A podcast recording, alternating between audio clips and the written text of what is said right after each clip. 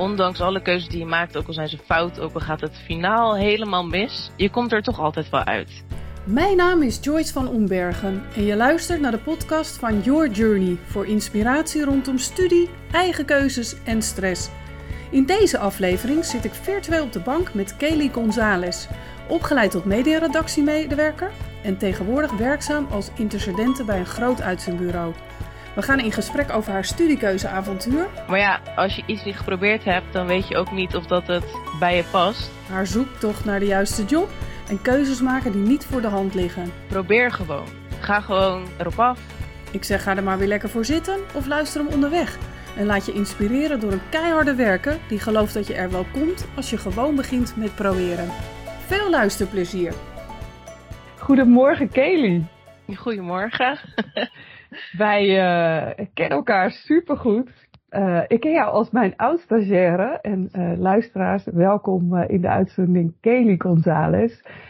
Tegenwoordig intercedenten, maar oh my god, dat was niet vanzelfsprekend dat je dat zou worden. Klopt Nee. dat? Klopt inderdaad, klopt. Ik heb uh, heel veel ertussen gedaan. Ja, het was uh, een avontuur, zei je in het voorgesprek.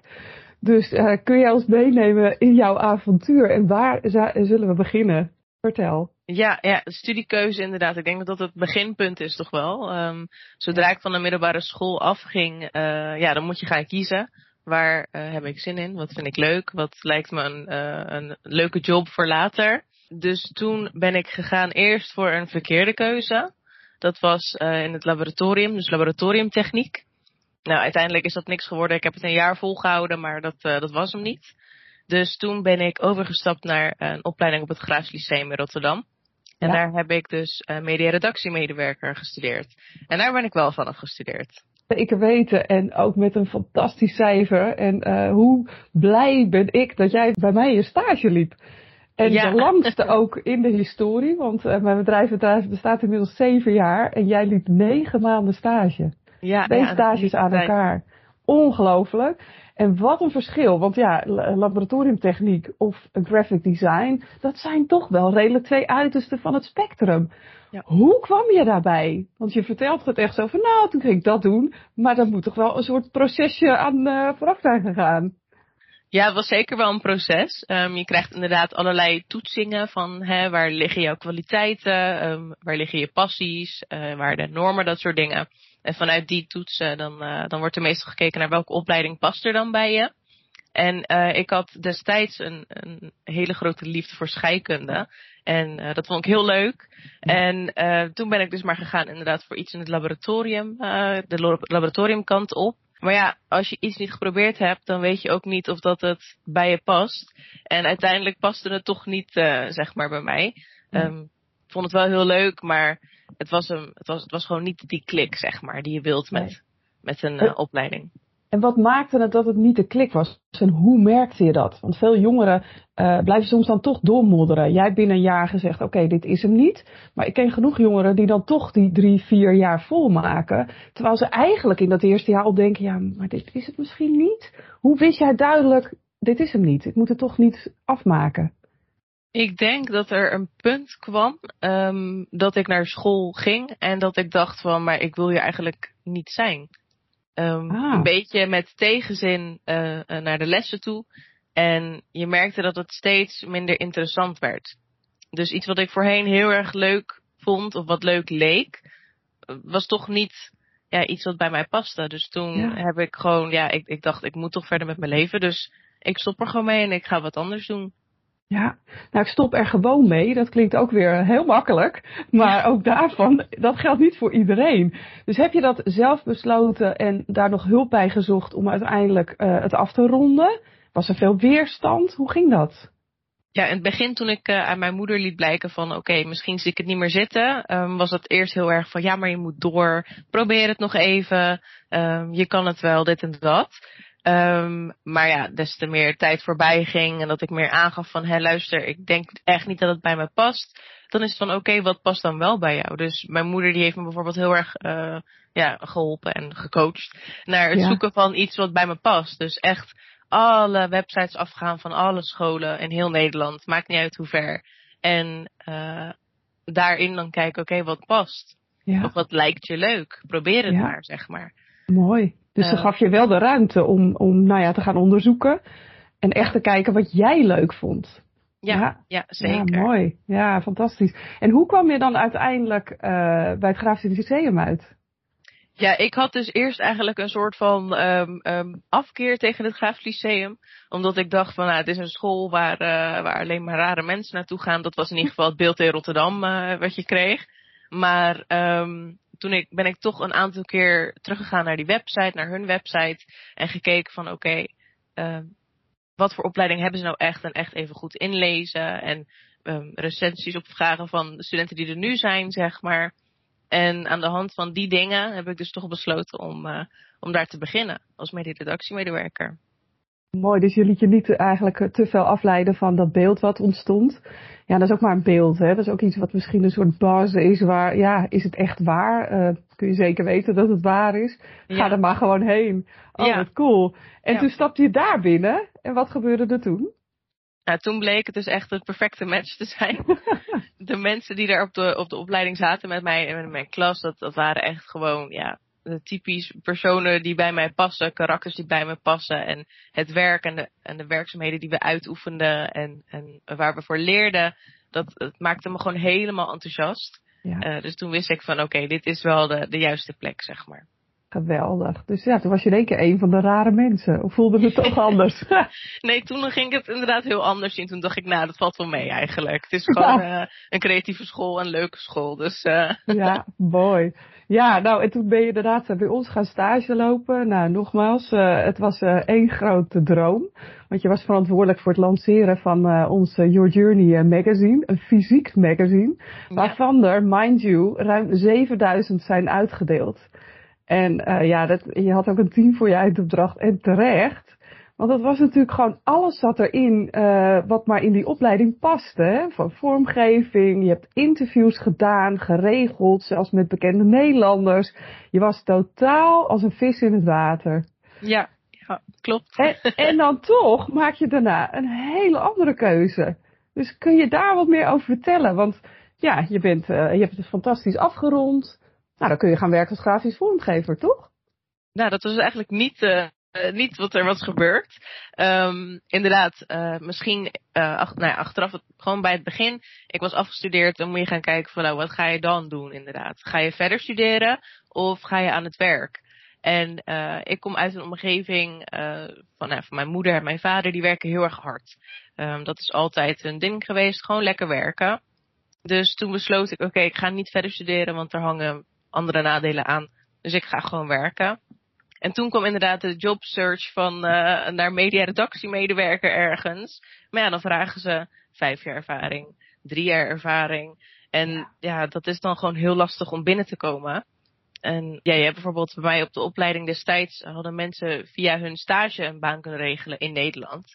Uh, dat ja. is natuurlijk heel fijn meegenomen, maar ja, niet voor iedereen geldt dat. Nee. Dus ja, mijn zoektocht begon en ik kon niks vinden. Dus toen ben ik uh, in een winkel gaan werken. Ja. Ja. ja, je moet, en, en ja, toch waarschijnlijk ook wel vanuit die eh, mentaliteit gewoon gaan werken. Ja. En um, was je daar gelukkig? Nee, het was in het begin heel erg raar, want je, je, je komt vanuit een omgeving waar heel veel creativiteit aan te pas komt en heel veel communicatie. En ja, nu sta je gewoon als verkoopmedewerker in een winkel. Dat is toch anders dan dat je verwacht, zeg maar. Je denkt, ah, nu kan ik beginnen, weet je wel, op de, op de arbeidsmarkt kan ik mijn, mijn passie en mijn creativiteit uiten. En ja, dan, dan gebeurt dat niet. Dus het was wel een beetje een, een soort van tegenslag. En dat heeft ook best wel, ja, invloed gehad ook uh, op me. Dat ik dacht ja. van ja, wat wil ik nou eigenlijk ook echt met mijn leven? Die vraag die kwam echt heel vaak voorbij, zeg maar. Ja, ja, en, en, en hoe ga je dan daarna handelen? Eerst naar luisteren inderdaad, van oké, okay, mm, dit is misschien toch niet helemaal uh, de weg die ik uh, verder wil bewandelen. Hoe heb je dat aangepakt? Was dat iets wat bleef sudderen of ben je daar echt heel concreet mee aan de slag gegaan?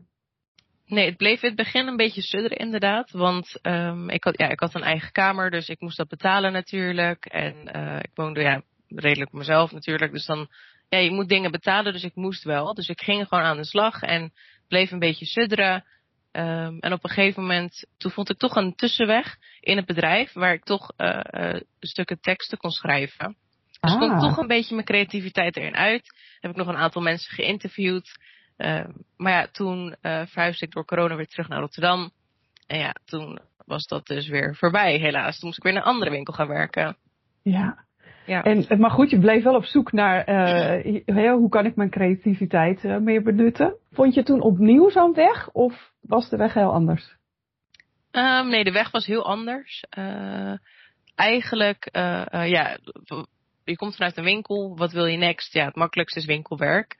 Dus ehm, ik was daarnaar op zoek. Het maakte niet zoveel uit eigenlijk wat. Ze gingen in een kledingwinkel werken. Nou, dat bleek ook echt een hele toffe baan. Dat team, dat was zo leuk. Ik heb daar nu nog vriendinnen aan overgehouden, want het bedrijf dat bestaat nu niet meer omdat het failliet is gegaan.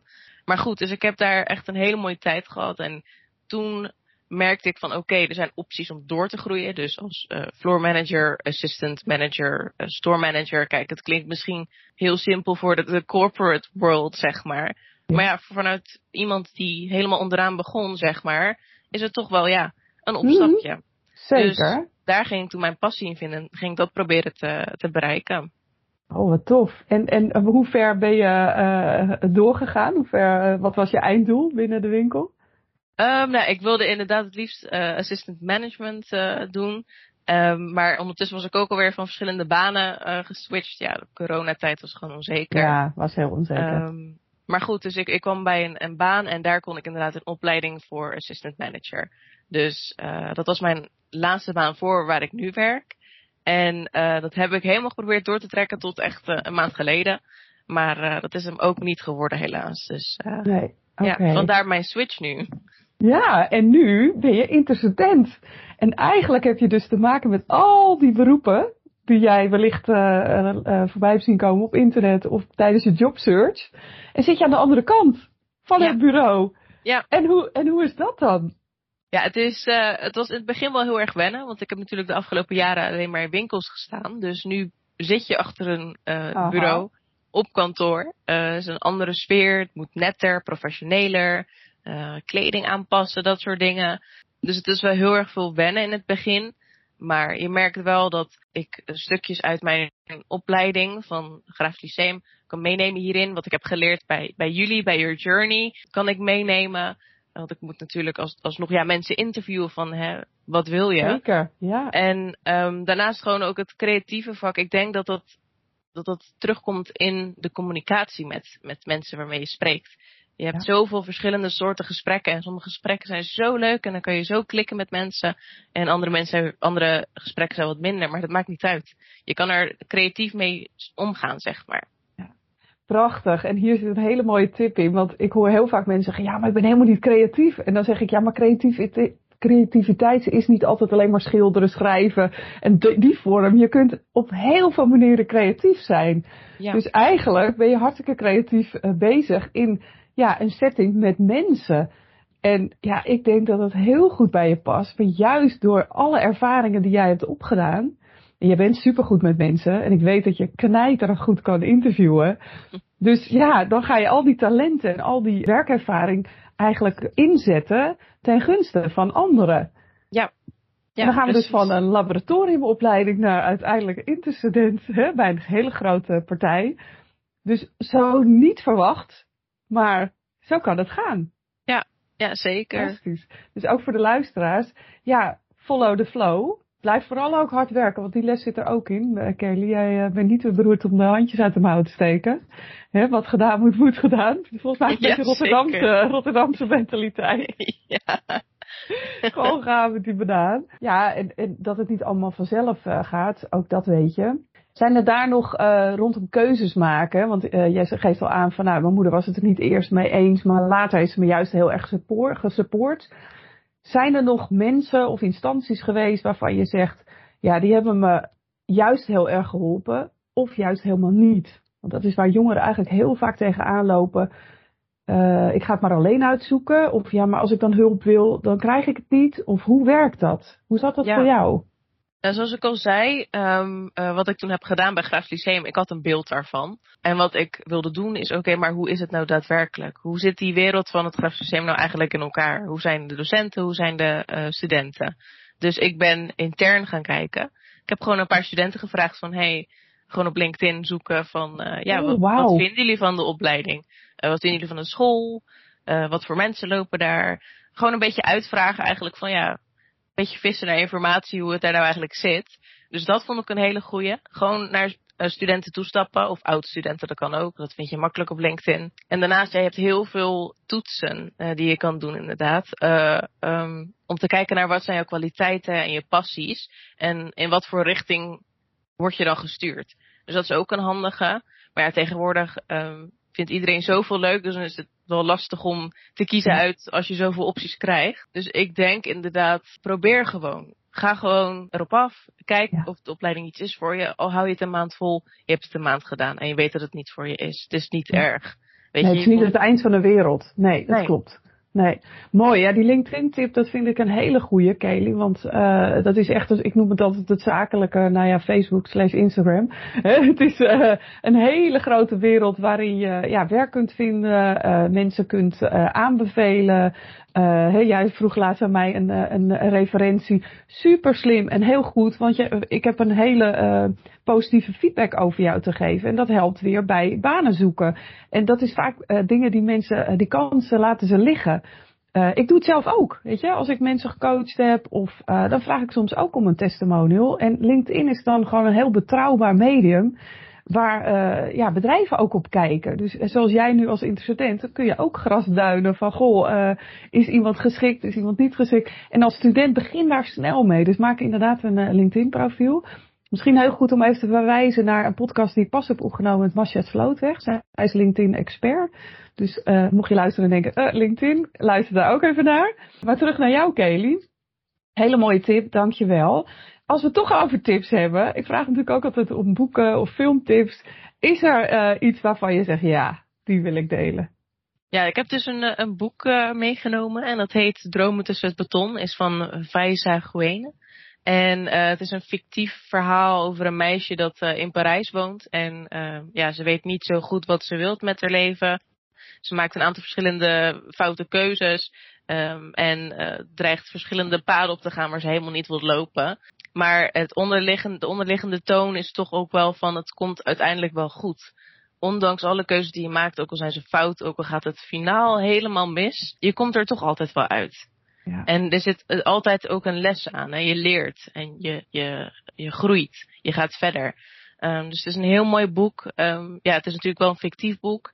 Dus er zit een beetje een verhaallijn in en het is natuurlijk bedacht. Maar goed, het is echt de boodschap om, die eronder ligt is heel mooi.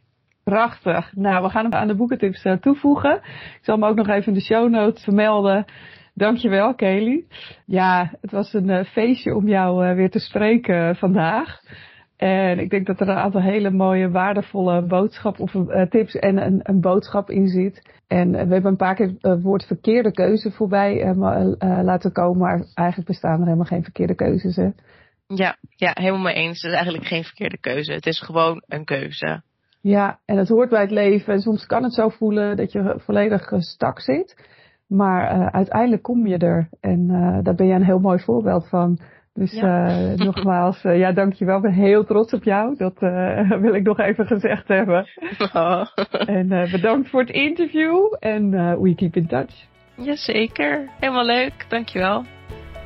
Hiermee kom ik aan het eind van deze aflevering. Heb je een vraag? Je vindt me op Instagram via yourjourney.a. Ik vind het leuk om daar met je te connecten en jouw vragen te beantwoorden. Kelly vind je op LinkedIn onder haar eigen naam, Kelly Gonzalez. En dat is K-A-Y-L-I-E-G-H, Gonzalez met twee keer een Z. Kun je wel wat hulp gebruiken bij het maken van keuzes rondom studiewerk of tussenjaar? Of wil je leren dealen met stress in plaats van er tegen te vechten? Ga dan naar yourjourney.academy en download mijn gratis videoserie of 30 tips tegen stress. Wil je geen aflevering meer missen? Abonneer je dan op deze podcast. En ken je iemand voor wie deze aflevering interessant is? Deel hem dan via je socials. Een eerlijke review ontvang ik graag via Apple Podcast. Hiermee help je mij om nog meer jongeren te bereiken. Bedankt voor het luisteren en tot de volgende keer.